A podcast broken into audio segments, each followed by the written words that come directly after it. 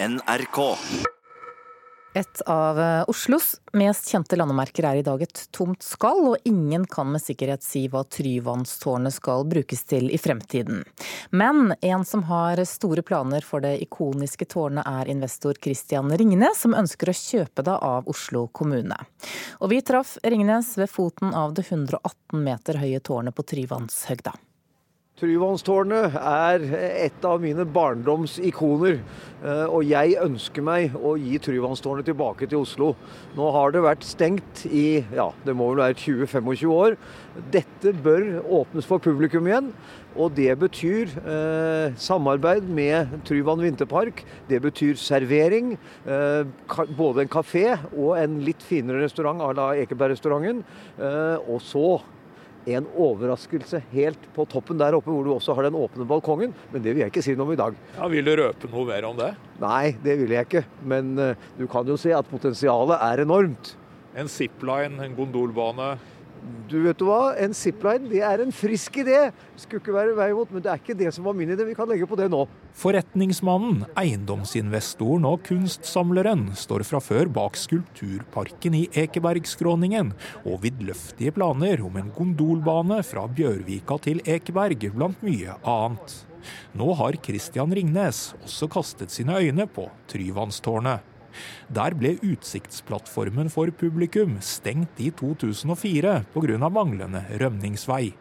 Etter at FM-nettet ble slukket i 2017, er tårnet ikke lenger i bruk, verken som radio- og TV-mast eller til telekommunikasjon. Tårneier Oslo kommune vurderer nå etterbruken. Nå kjenner jeg bare Kristian Ringnes sitt forslag gjennom media. Sier byråd for miljø og samferdsel Lan Marie Berg. Hun er politisk ansvarlig for Bymiljøetaten, som forvalter Tryvannstårnet. Men eh, det er klart at eh, jeg ønsker jo at Tryvannstårnet skal kunne tas i bruk. Det er jo et av de flotteste, mest kjente landemerkene i Oslo. Akkurat eh, hva eller hvordan det skal tas i bruk, det er jo noe som vi må komme tilbake til. Er det aktuelt å selge tårnet eller leie det ut? Nei, som sagt så akkurat hva eller hvordan, det er det altfor tidlig å si. Etter det NRK forstår, tar ting tid, bl.a. fordi det fortsatt er detaljer rundt avslutningen av leiekontrakten med Telenor som må avklares. Christian Ringnes er utålmodig. Dette kommer til å koste, jeg vet ikke om det koster 25 eller 50 millioner, men dette er jo en svær jobb som skal gjøres. Eh, det er komplisert med rømning. Vi må finne en egen og har, mener vi, funnet en løsning for det, men det koster mye penger. Og det er ingen som vil bruke, tror jeg, 25 eller 50 millioner og så ikke eie det etterpå. Det blir for risikabelt. Hva er tidsperspektivet ditt på dette prosjektet? Ja, som vanlig så tar det jo litt tid i det offentlige. Så vidt jeg kan forstå, så burde kommunen sette i gang med denne prosessen med det samme. Og så tipper jeg, vi har jo ikke gått dypt inn i dette enda, så tipper jeg at det er en byggetid på ja, halvannet av to år. Så dette burde kunne være ferdig tidlig på 20-tallet. Det sa Christian Ringnes, reporter var Olav Juven. Klokken er straks kvart over åtte. Du hører på Nyhetsmorgen, og her har du hovedsakene i dagens sending.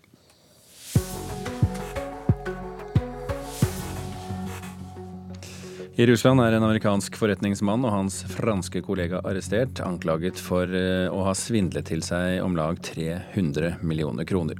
Besøksforbud gir ikke den beskyttelsen som er tiltenkt, så lenge brudd på forbudet ikke får noen konsekvenser. Og LO vil at norske arbeidere skal få en større del av overskuddet i norske bedrifter. I dag legger de planen for årets eh, lønnsoppgjør.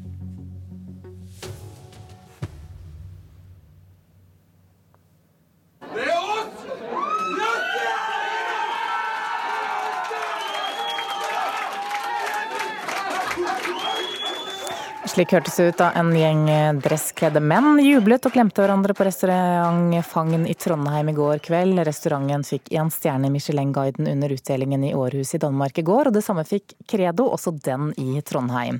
Reporter Fredrik Solbu Julumstrø, i går var det fest. Hvordan er stemningen i Århus dagen derpå? Ja, i går var det fest, og stemningen i dag det kan vi nå høre med Heidi Bjerkan, som eh, fikk seg en stjerne på restauranten Credo i går. Formen, den er fin, den? Formen er strålende. Hvordan var etterfesten i går, da? Du, Den var fin. Vi har egentlig bare masse kollegaer å snakke med og hilse på. Vi var litt rundt på forskjellige plasser. Og ja. Endte tilbake på hotellet og spiste frokost, på en måte. Frokost på natta? Frokost på natta, var så sulten. Så... Ja, men det er sånn det skal være, det? Ja, absolutt. Det er stor stas. Men hvordan var å våkne som en stjerneholder i Michelin-guiden, da?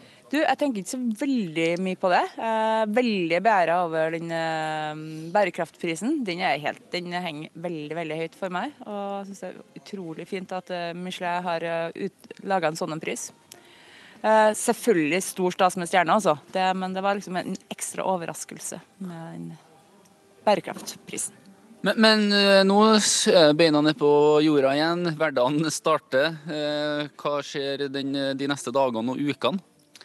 Jeg tror ikke det skjer så mye annet enn det vi skal fortsette med. Eh, planlegging av eh, dyrking eh, videre frem i året, og vi skal fortsette å ta vare godt på gjestene våre og holde på med det vi skal gjøre, lage mat.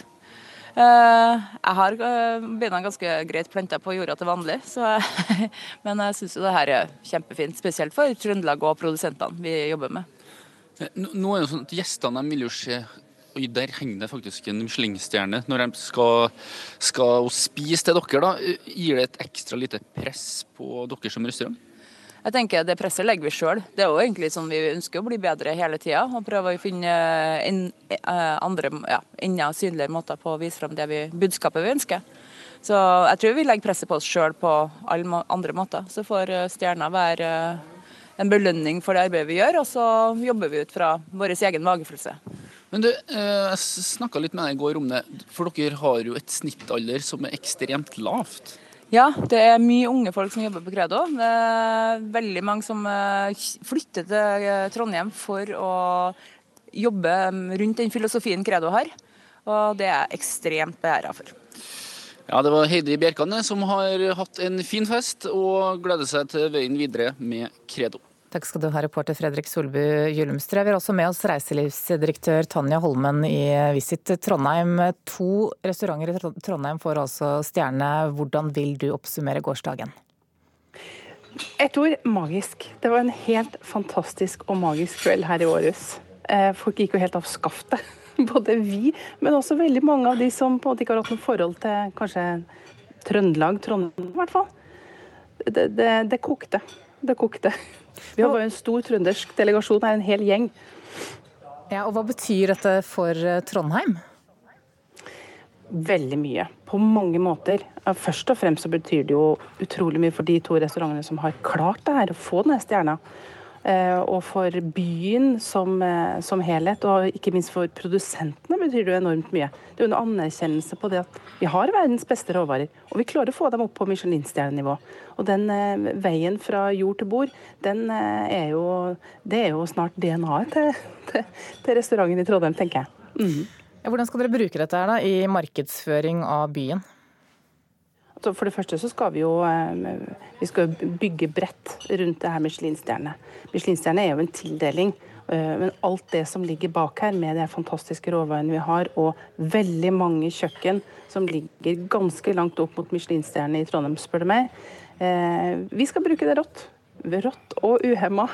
Og så tenker jeg spesielt at det her med bærekraftprisen er jo en inspirasjon også for oss som by, tenker jeg og for eh, Visit Trondheim som selskap det å, å, å, være med å trykke på for at vi skal bli miljøsertifisert på flere andre områder òg. Så sånn sett så tenker jeg en kjempeinspirasjon for, for oss videre å ta med oss. Vi vet jo det at uh, når Stavanger fikk den første stjerna si, så merka de betraktelig at besøkstilfanget økte. Uh, I Århus så, så, økte vel besøkstallene med 17% det første året de fikk sin første Michelin-stjerne for en år siden. Så det ligger et stort potensial her. Reiselivsdirektør Tanja Holmen i Trondheim, takk for at du var med i Nyhetsmorgen.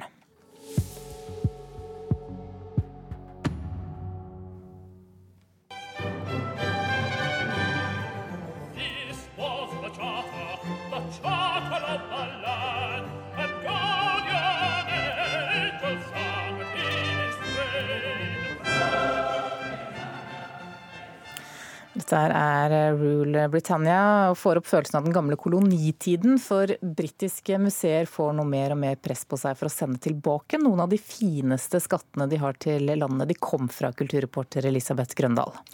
Ja, Mange land har jo opplevd at britene har tatt med seg helt uvurderlige skatter hjem til det berømte British Museum og mange andre museer i kolonitiden. Og nå hagler det inn med brev fra den ene staten etter den andre som vil ha skattene sine tilbake, forteller The Guardian. Ja, Hvem er det som presser på? Det er mange. Myndighetene i Gibraltar vil ha tilbake en helt uerstattelig neandertaler hodeskalle, som britene tok med seg i 1848. British Museum har også utstilt en statue fra påskeøyene. Du vet disse her store, høye statuene av litt sånne firkanta manneskikkelser, som myndighetene der vil ha tilbake. Og i Hellas ber de om å få igjen noen veldig berømte marmorskulpturer som britene tok med seg fra Akropolis. Ja, hvorfor kan de ikke bare gi dem tilbake? Det som er problemet her, skriver The Guardian, er at noen av gjenstandene faktisk ble fjerna for å beskytte dem mot krig og ødeleggelser. Andre igjen er blitt lovlig kjøpt, eller de er gitt i gave. Og da er det nok ikke så fristende for en museumsdirektør å gi dem tilbake. Ok, Men hvordan blir den type argumenter tatt imot? Nei, det spørs hvor godt de virker på de mange som syns britene var i overkant flinke til å få med seg uerstattelige skatter som egentlig tilhørte andre. De som mener at britene snart må ta til vettet og sende dem tilbake. Takk skal du ha, reporter Elisabeth Grøndal. Utstillingen Helen Frankenthaler Woodcuts Prints and Proofs er vårens store utstilling på Kode, kunstmuseene i Bergen. Og dette er den første store presentasjonen av Frankenthalers kunstnerskap i Norden. Mona Palle Bjerke, kunstkritiker her i NRK, forklarer hvem Helen Frankenthaler er. Dette er en av de mest sentrale amerikanske kunstnerne i etterkrigstiden. Hun er en del av den strømningen som vi kaller abstrakt ekspresjonisme, som blomstret på 50- og utover 60-tallet. Det var mange kvinnelige representanter for abstrakt ekspresjonisme, men det er bare Helen Frankenthaler som står igjen og er husket og omtalt. Og det sier jo litt om hennes uttrykksstyrke, fordi det var så vanskelig for en kvinne å markere seg og bli tatt på alvor eh, i denne tiden. Sånn at det at hun er den som på en måte man bare har måttet ta med, selv om man på en måte har hatt en veldig tendens til å løfte mennene på bekostning av kvinnene, så det sier ganske mye om eh, henne. Hun er en som utforsker flaten. Hun jobbet mye med akvarell, med liksom fly, dette litt flytende uttrykket, farger som flyter over i hverandre. Eh, og i titlene så kan kunne hun av og til legge inn landskapsreferanser eh, som skaper assosiasjoner, eh, men også litterære referanser. Men på kode så er det altså tresnitt som vises? Ja, og dette er en litt mindre eh, på en måte påaktet verksgruppe fra Frankenthaler, så det er veldig spennende. Hun var en kunstner som aldri stagnerte. Hun utviklet seg gjennom hele livet, og da hun var sånn i 40-årene så begynte hun altså med tresnitt for på en måte å la seg utfordre av et helt, for henne, helt nytt eh, medium. Hun var opptatt av dette med å jobbe med motstanden i treet. og utfordret og utforsket denne tradisjonen. Hun eh, frigjorde seg fullstendig fra, fra liksom det tradisjonelle tresnittet. Jobbet med liksom at treets tegning brøt med hennes e-, egen tegning. På en måte også veldig kjent for dette at det er hull eller sår eller disse på en måte hakkene eller flekkene i bildet, som er liksom hennes eh, kjennetegn. Ja, På hvilken måte da? Ja, Et av hennes senere arbeider som vi ser i utstillingen, som er blussende burgunderrødt og med islett av både purpur og skarlagen, så ser vi nederst i høyre hjørne en stor, sirkulær, dypblå flekk. Som det liksom blør blåmaling ut av det røde. Eh, og det fremstår også som en slags avgrunn, et sluk i billedrommet, som også veldig effektivt tar hull på den landskapsaktige romligheten som bildet på en måte inviterer oss eh, til å, å lese det som. Mm. Og så sier du også at hun refererer til litteratur. Ser vi eksempler på dette i denne utstillingen? Ja, det gjør vi. Hun har eh, en serie eh, som heter 'Fortellingen om Genji'. Et gammelt japansk folkeeventyr eh, fra middelalderen. Som er diktet av en kvinnelig dikter i middelalderen av det keiserlige japanske hoffet. Og det er ingen da, figurative elementer i bildene. Så vi må selv på en måte dikte denne fortellingen inn i de glødende fargefeltene. Det er blant annet et utrolig vakkert bilde som går i blå nyanser. Og det høres ut som du mener at flere av bildene hennes er eh, vakre? Ja, dette er noe av det som står aller mest sentralt for Frankenthaler. Hun, har, hun har jo sagt at når jeg maler et bilde, så er jeg ikke så opptatt av om det oppleves som et landskap, om noen leser en solnedgang inn i det. Men det jeg spør meg er om, er har jeg laget et uh, vakkert uh, bilde. Når vi anmelder en slik gigant i kunsthistorien, så er det jo ikke selve kunstneren vi evaluerer, men mer utstillingen. Hvordan er det blitt?